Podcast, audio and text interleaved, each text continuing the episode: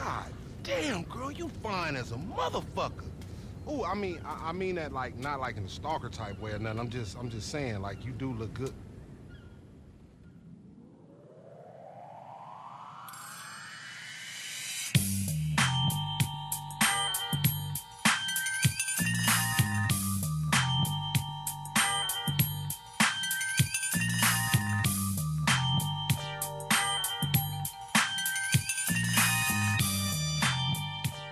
Gry wideo ogromna i przynosząca niebywałe zyski branża. Rozwój technologii sprawia, że coraz bardziej przypominają filmy, a w ilości odbiorców zaczynają prześcigać kino czy telewizję. Studia projektowe i deweloperzy prześcigają się w coraz to nowych pomysłach, a polskie firmy takie jak CD Red Projekt czy Techland, zajmujące się tworzeniem i wydawaniem gier, świętują triumfy na całym świecie. Grami jako medium mającym wpływ na ogromny procent społeczeństwa zaczęli już jakiś czas temu interesować się również badacze, zauważając wreszcie, że nie jest to tylko budująca alienację i nienawiść do świata brutalna rozrywka.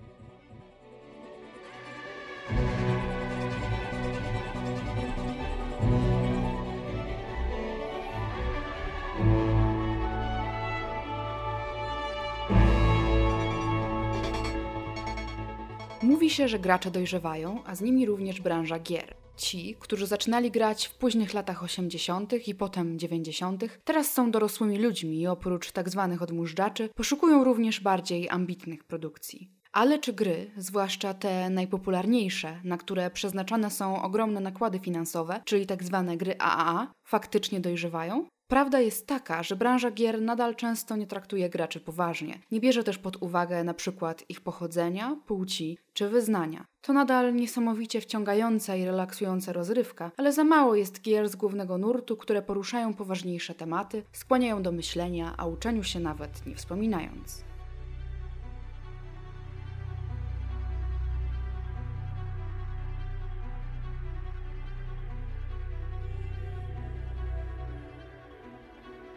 Jednak teza, mówiąca o dojrzewaniu gier i graczy, bywa niekiedy myląca i złudna. Określenie dojrzałe gry oznacza bardzo często takie, w których pojawiają się przemoc, sceny erotyczne czy wulgarny język. Bez wątpienia oznacza to gry dla dorosłych, ale czy na pewno dojrzałe?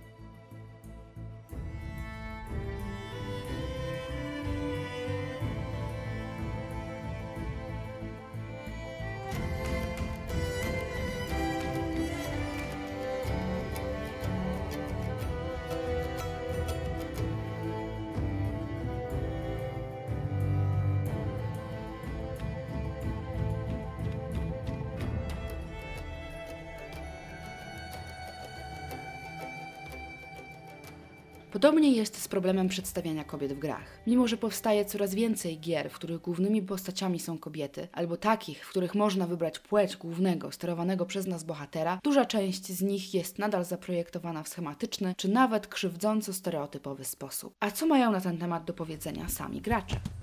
Kratos, it's been far too long.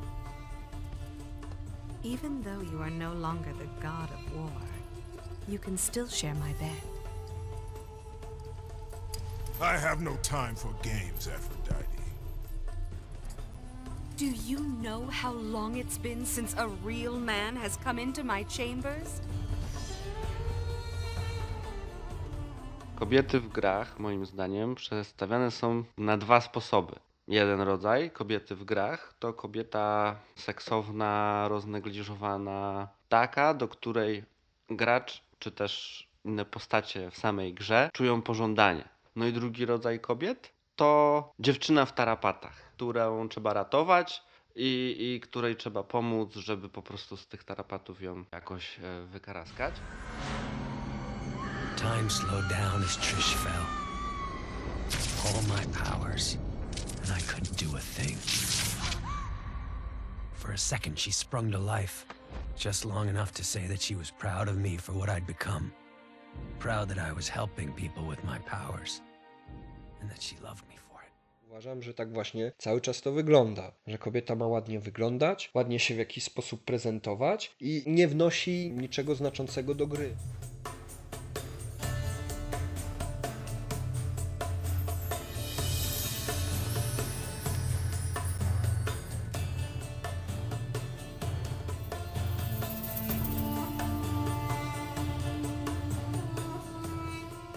Niedawna w grach pojawia się tego typu możliwość, że możesz sobie postać postarzać, robić jej zmarszczki i tak dalej. Przeważnie jak spojrzysz na starsze nawet gry RPG, to masz na przykład starego kapłana, masz starego mnicha. Ale jak sobie spojrzysz na kapłankę, nie masz starej kapłanki, nie masz, nie wiem, starej driady. Wszystkie w pewien sposób mają jakieś takie atrybuty seksualne, które przyciągają męskie oko. Bo według mnie rynek gier komputerowych jest tak skonstruowany, że większość graczy to przedstawiciele płci męskiej.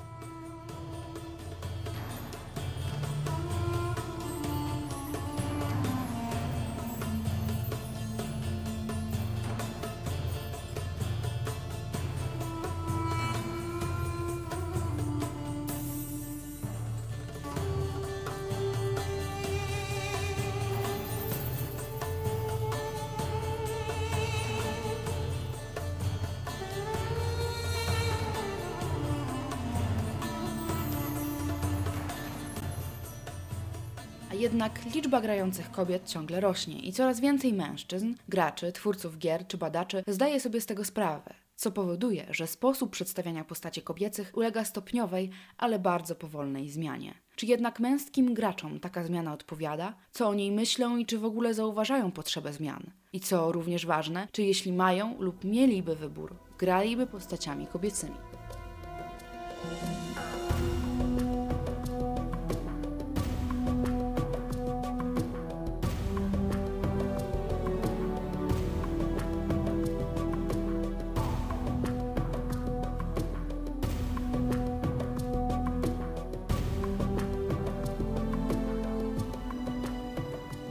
Jak najbardziej lubię grać w gry, w których postać jest e, kobietą główna. Aczkolwiek jeśli mam wybór postaci, e, najczęściej wybiorę jednak mężczyznę. Być może gdzieś tam bardziej się utożsamiam i tak dalej.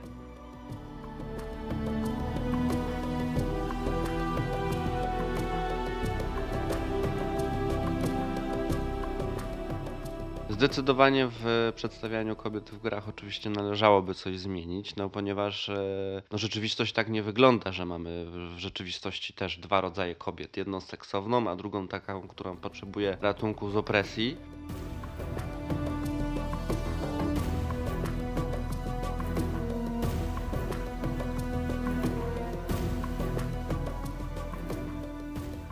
Jeżeli byłaby to postać kobieca, która po pierwsze byłaby ciekawa, interesowałoby mnie lore, fabuła, jak najbardziej pograłbym w takie coś, ale czy zależy mi na tym, żeby bardziej takie postacie kobiece się pojawiały? Trudno mi to określić. Wszystko zależy od tego, czy dana postać kobieca, jej kreacja by mnie przyciągnęła do siebie, zainteresowała. Bo jeżeli miałbym do wyboru grę, gdzie będzie na przykład pięć postaci, z czego jedna żeńska, będzie to postać kobieca, ale na przykład jej historia, jej klasa albo złożoność spowoduje, że w pierwszej kolejności powiem: O, to jest coś nowego, coś co nie grałem i chcę tego spróbować. Nie chcę kolejnego wojownika z dwuręcznym mieczem większym od samej postaci, biegającego z tarczą, tylko to ma być postać, która ma skłonić gracza, żeby ją wybrał, żeby ją pograł. What is this, high school? Both of you find something better to do with your time. Gracze chcą więc postaci kobiecych w grach. Zauważają ich brak, ale zaznaczają też, że chcieliby, żeby to były postacie ciekawe, wnoszące nową jakość do fabuły czy rozgrywki. Do tej pory powstało kilka gier z głównego nurtu, w których główną postacią jest kobieta, i wydawałoby się, że jest to dowodem na to, że sytuacja uległa zmianie. Kiedy jednak bliżej przyjrzymy się tym postaciom, zauważymy, że wiele ich cech nadal wpisuje się w pewien schemat.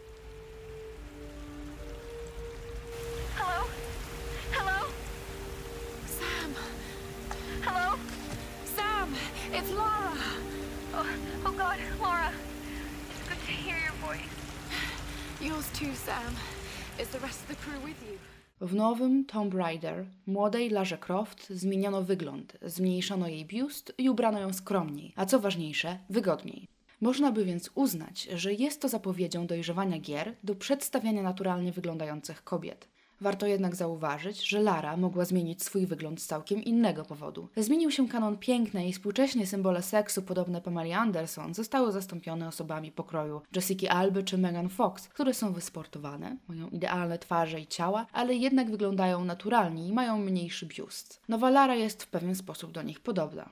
Jednak bohaterka zmieniła się też pod innymi względami. Dawna Lara Croft, mimo wyglądu bogini seksu, była bardzo silną, inteligentną i wykształconą kobietą, prawie superbohaterką. Jej nowa odsłona jest osobą przerażoną, niedoświadczoną, szukającą pomocy, próbującą za wszelką cenę przeżyć i wydostać się z opresji. Wszystko to sprawia wrażenie, że twórcy gry jakby w obawie przed nazwaniem gry zbyt feministyczną zrezygnowali z jednego stereotypu, zastępując go innym. Whoa, B! Edge did it! Come here, sweetheart. Nayland, it seems like a lifetime. I'm sorry. I have no memory of you. You really can't remember this pretty boy face of mine? I'm sorry. Hell. Well, we all lost bits and pieces in the war. But you're free, sweetheart. That's what counts. I guess. Feels like I'm lost. Podobna sytuacja występuje w grze Remember Me, której główna bohaterka, mimo że kiedyś była sławną, doświadczoną i walczącą o wolność hakerką, w momencie rozpoczęcia gry traci pamięć i próbuje odnaleźć siebie, dopiero ucząc się swoich umiejętności. Przez większość gry niemal za rączkę prowadzi ją inny haker, oczywiście mężczyzna, który mówi jej co ma robić i gdzie dokładniej się udać. Przykłady można mnożyć, ale fakt jest taki, że gracze mężczyźni nie do końca ten problem zauważają i podają takie oto przykłady gier, które według nich w pozytywny i niestereotypowy sposób przedstawiają kobiety. Dobrym przykładem jest gra Bioshock Infinity z tego względu, że jest tam postać Elizabeth, która ci na każdym kroku towarzyszy, na każdym kroku ci pomaga nie dźwiga żadnych przedmiotów, ale w sytuacji, gdy masz te przerywniki filmowe, gdy poruszasz się z jednego miejsca do drugiego, z tą postacią możesz rozmawiać i ta postać ma swoje zdanie.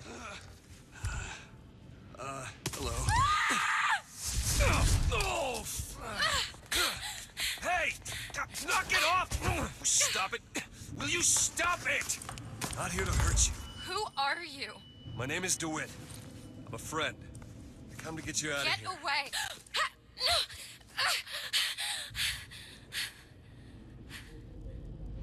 Are you real?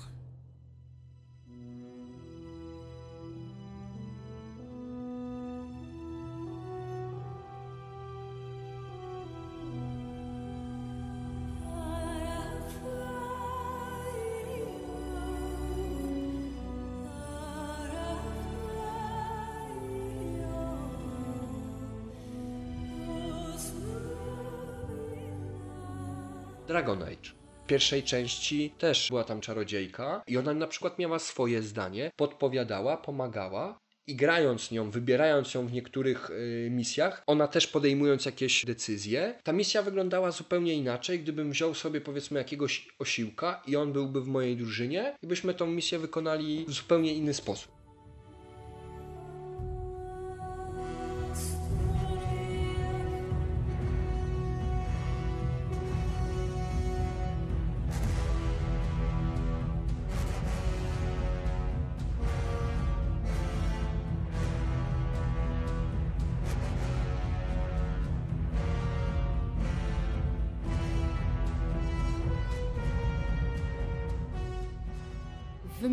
Grach, w pierwszym przypadku w Bioshock Infinite, kobieca postać jest faktycznie istotna, ale przedstawiona jest znowu jako niewinna, potrzebująca pomocy istotka, nieświadoma swoich mocy. W drugim przypadku, w grze Dragon Age, wspomniana czarodziejka Morrigan, ubrana jest niebywale skąpo, jest co prawda silna i dość złowieszcza, ale w trakcie gry okazuje się, że drzemie w niej głęboko skrywane dobro i chęć posiadania dziecka.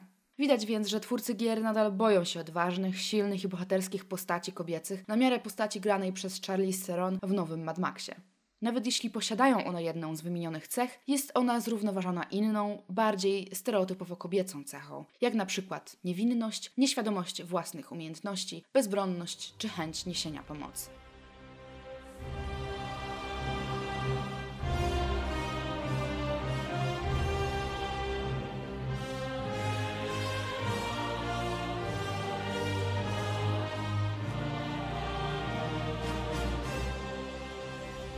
Ten facet też jest stereotypowy. To jest mięśniak w bijatykach. To jest osoba, która ma bardzo rozbudowane umiejętności, na przykład jazdy samochodem, jest super zabójcą. I też można byłoby się czepiać, czemu to nie jest normalny facet, który ma wątpliwości, który się boi.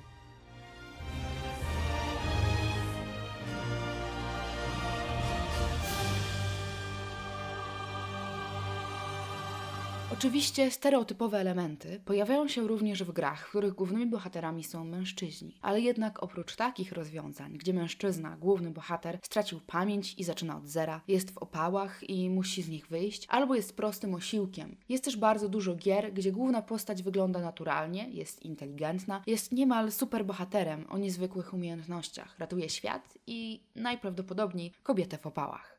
O ile w grach indie pojawiają się często ciekawe postacie kobiece, o tyle twórcy gier czy serii gier AAA omijają je szerokim łukiem.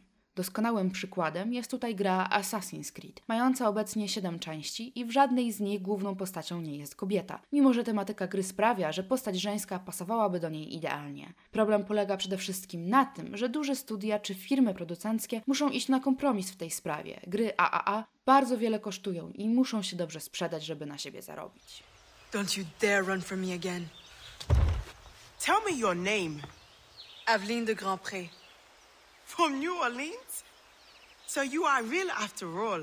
No nie ukrywajmy, tak, że większość gier, która jest tworzona, ma trafić do ogółu, ma przynieść jednak większy zysk. Remember Me, tam właśnie ta główna postać kobieca, w momencie, ja tak czytałem przynajmniej, kiedy to ta postać miała być właśnie wybrana jako kobieta, no to studio bardzo, no to które wkładało pieniądze w ten projekt, no bardzo się wahało, dużo było właśnie zastanawiania się nad tym, czy gra, w której główna postać to kobieta, w ogóle się sprzeda.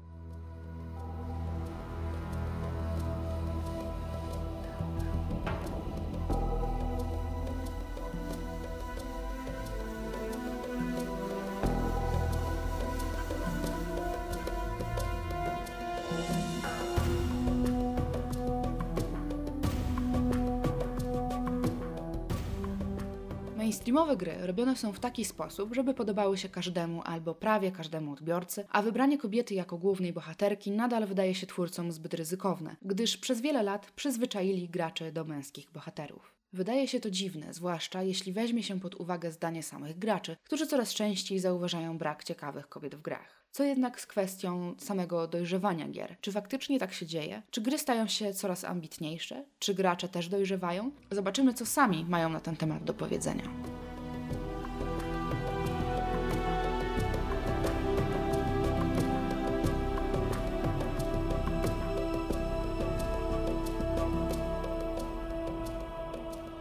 Naprawdę w tym głównym nurcie, czyli gier AA, takiego czegoś moim zdaniem nie ma, no bo gry tego typu, nie wiem, GTA, Assassin's Creed i tak dalej, no one w żaden sposób nie są dojrzałe, tak naprawdę. I tak samo kiedyś, jakbyśmy się cofnęli w czasie, też były gry, które gdzieś tam poruszały jakieś problemy i tam, tak dalej. Może było ich mniej niż teraz, ale jednak się pojawiały. Na przykład no, no Planescape Torment, który wyszedł bodajże w 2000 albo dzie- 1999 roku. No to już parę ładnych lat temu, prawda? No a jednak gdzieś tam poruszał tematy głębsze.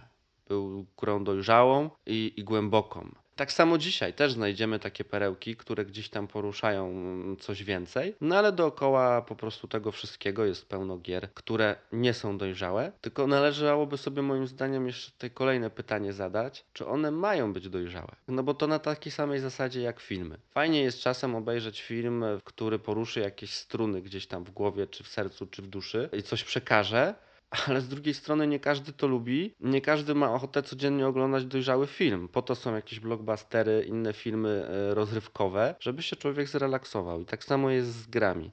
What can I do for you? I'd like a room. For you? Anything. Hmm. Feeling the register. Madison Page, 27, single. How long will you be staying with us, Ms. Page? I don't know yet. Minęło pokolenie, które po prostu już ma dosyć tego, nasyciło się takimi grami, które są stereotypowe, nie wprowadzają nic do fabuły, chcieliby coś nowego. Czyli jest to takie trochę dorastanie.